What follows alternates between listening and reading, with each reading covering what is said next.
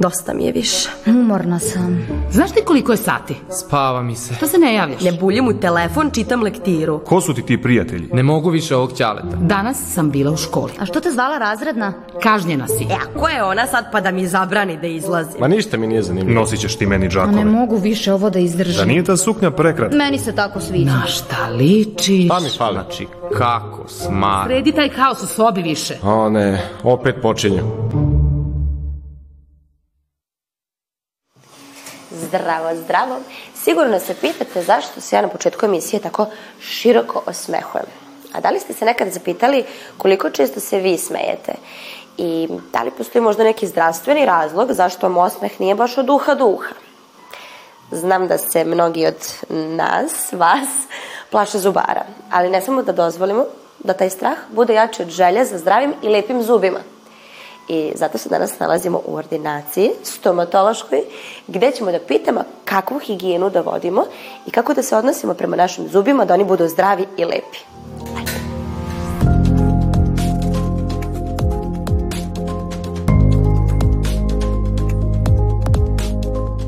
Zašto se tinejdžeri boje zubara?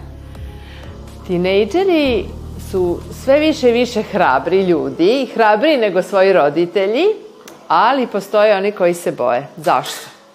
To su neke traume iz detinstva gde nisu na vreme išli kod zubara i onda dođu prvi put kod zubara pod bolom.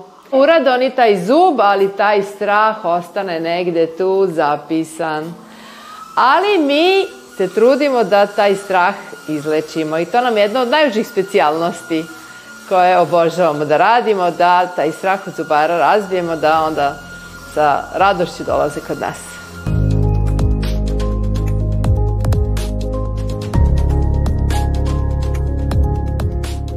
Pranje zuba, u principu postoje sad raznorazne moderne četkice.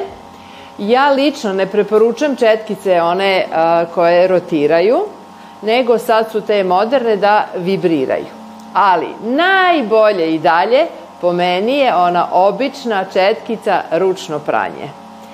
Imamo poznatu ovaj, rečenicu kako pada kiša, kako raste trava. Šta to znači? Gornje zube peremo, kako pada kiša, znači od desnika vrhovima zuba, kako s polja, tako iznutra, i donje zube, kako raste trava, od desnika zubima.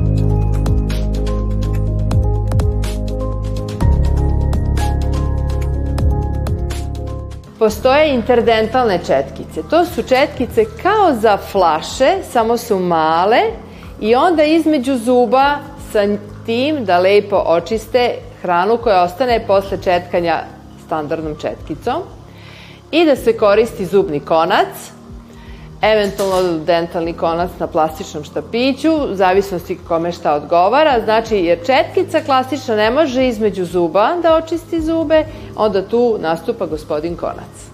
Eto. A koliko često da idu kod zubara? Pa, u principu, jednom u šest meseci je negde ok, kad se svi zubi srede i kad zubar kaže sad si sređen, dolazi na kontrole, znači jednom u šest meseci i to je onda super. Što se tiče proteze fiksne ili ove druge, kada treba da vide da li im treba proteza, da li je to samo estetski ili ima veze i sa zdravljem? A, pa to je sad dosta postala moda, nositi fiksnu protezu, ali u principu, znači tamo negde kad izniknu stalne dvojkice, znači još pre teenage doba, ovaj, sa nekih 9 godina, da se dođe da se vidi da li treba ili ne, a to je za mobilnu protezu, to je ono što kaže dečija proteza što se vadi, a za fiksnu u principu nije nikad kasno, ali u nekom tom periodu se to sve najbolje i najbrže reši, tako da kad izniknu svi stalni zubi, onda može da se stavi fiksna proteza.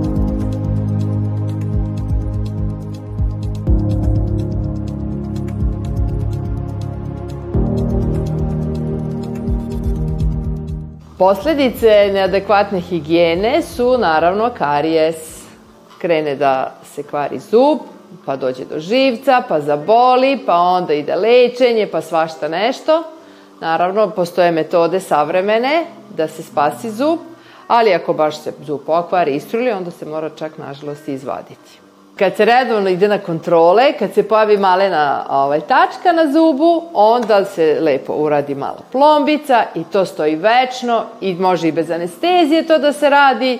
Najbolje redovne kontrole da se na vreme dođe i da se sve znači, na vreme uradi.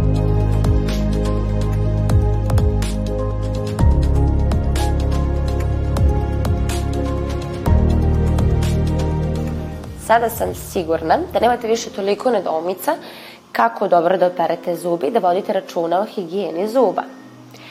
Ali pravo da vam kažem, ja se ne bojim toliko zubara, ja se više bojim tih bolesti zuba. Ali pouzdano znam za još jedan vaš strah. I nemojte me pitati kako znam, znam. Strah od male mature. I normalno da imate tremu i da se malo brinete, ali ako budete više vežbali, više znali, manje ćete se brinuti. Zato idemo da više vežbamo, da bismo se manje brinuli. Kojom vrstom stiha prema broju slogova počinje prva strofa u pesmi Sreća Desanke Maksimović? Ne merim više vreme na sate, ni po sunčevom vrelom hodu. Dan mi je kad njegove se oči vrate i noć kad ponovo od mene odu. Tačan odgovor, lirski deseterac. Vrlo važnim književno-teorijskim pojmom smatra se i vrsta stiha, vrsta strofe, vrsta rime. Ovom prilikom obratit ćemo pažnju na vrstu stiha.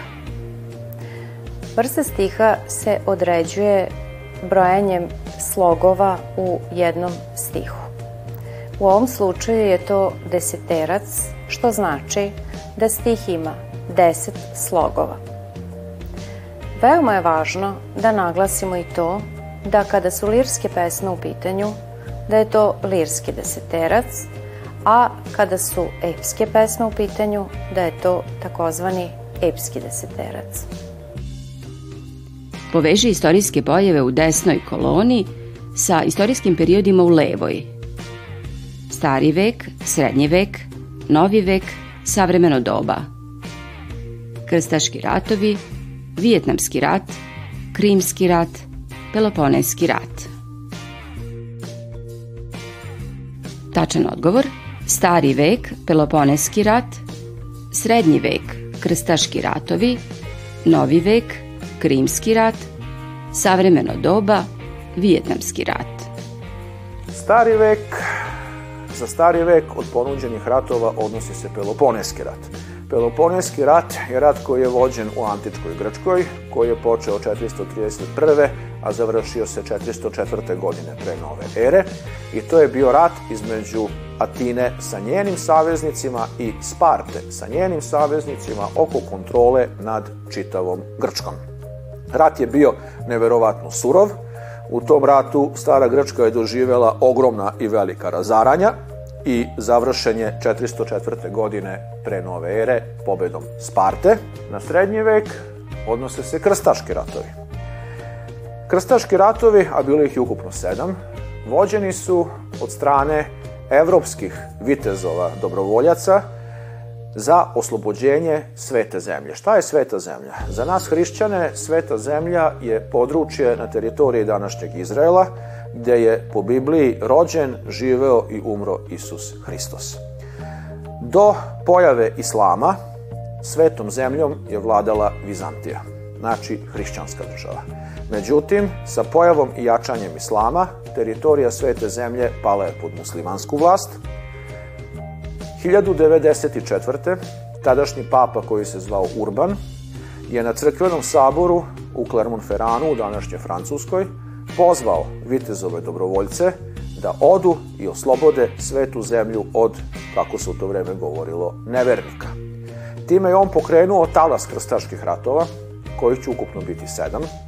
Poslednji krstaški rat završen je definitivnim krstaškim porazom 1271. tako da je teritorija svete zemlje za sva vremena i dan danas ostala pod vlašću država koje su većinom muslimanske, odnosno danas je, da kažemo, u državi Izrael, državi jevreskog naroda. Krimski rat je rat koji je vođen polovinom 19. veka između Rusije sa jedne strane i Turske, Francuske, Velike Britanije i još nekoliko evropskih država sa druge, a glavna pozornica tog rata, kao što i sam naziv njegov kaže, je poluostravo Krim u Crnom moru. Polovinom 19. veka Turska je država u teškoj i velikoj krizi. Sve više se postavlja problem njenog opstanka u Evropi, takozvano istočno pitanje. Rusija tu vidi svoju šansu da se umeša i da istočno pitanje reši na svoj način. Velika ruska želja je da ako već ne može da zauzme Carigrad i na taj način uništi Tursku, da bar onda nekako Carigrad zaobiđe i da preko teritorije Balkana na koje žive pravoslavni narodi izađe na sredozemno more. Samo da kažem da se znači od ponuđenih ratova na period novog veka odnosi Krimski rat koji je završen porazom Rusije. Rusija je bila za bar 20 godina, da kažem, zaustavljena u svom prodiranju prema Balkanu, kasnije će nastaviti u drugoj polovini 19. veka, to je već druga priča. Vjetnamski rat je najveći i najduži rat koji je vođen u svetu posle drugog svetskog rata. On je sa prekidima trajao ravno 30 godina, od 1945. do 75. Za vreme do drugog svetskog rata Vjetnam je bio francuska kolonija, Za vreme drugog svetskog rata Vjetnam je bio pod vlašću Japanaca. Kada je drugi svetski rat završen, Vjetnamci su se ponadali da će dobiti svoju slobodu i samostalnost, međutim Francuzi su poslali svoju vojsku da ponovo zauzme sve njihove bivše kolonije. Počeće rat koji će trajati 9 godina do 1954. i u tom ratu francuska vojska će doživeti težak poraz i Vjetnamci će uspeti da se oslobode francuske vlasti. U skladu sa tadašnjom podelom sveta na istočni i zapadni blok i sa tadašnjim odnosom u svetu koji se zvao Hladni rat, Vjetnam je podeljen na dva dela, na severni pod kontrolom Kine i Sovjetskog saveza, gde je uspostavljena komunistička vlast, i na južni Vjetnam pod kontrolom Sjedinjenih američkih država, gde je uspostavljena nazovi demokratska vlast, u stvari da su se smenjivali na vlasti različite, genera, različite garniture generala, vršeći državne udare, Između severnog i južnog Vjetnama gotovo odmah je počeo međusobni rat. Amerikanci su pružili pomoć južnom Vjetnamu, u početku je ta pomoć bila novčana, u oružju, u slanjem oficira i drugih instruktora, međutim na kraju polovinom 60. godina 20. veka Amerikanci će se i direktno umešati u Vjetnamski rat, u njega će poslati nekoliko stotina hiljada vojnika, poslaće ogromnu količinu oružja, vršit će se masovna bombardovanja severnog Vjetnama, vjetnamski, ova faza vjetnamskog rata bit će završena mirovnim sporazumom u Parizu 1972. godine. Amerikanci će se povući iz Južnog Vjetnama, što će Severni Vjetnam iskoristiti da samo tri godine kasnije, praktično bez ikakvog otpora, proguta Južni Vjetnam, pridruži ga sebi i ceo Vjetnam od 1975. ujedinjen pod komunističkom vlašću. Frederik Chopin većinu svojih dela je komponovao za violinu, violončelo, Klavir.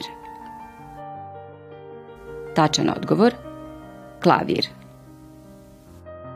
Frederik Chopin bio je poljski pijanista i kompozitor. Poznat je po tome što je izvodio sam svoja dela. U svojoj 20. godini Frederik Chopin se seli u Pariz sa ciljem da se usavrši.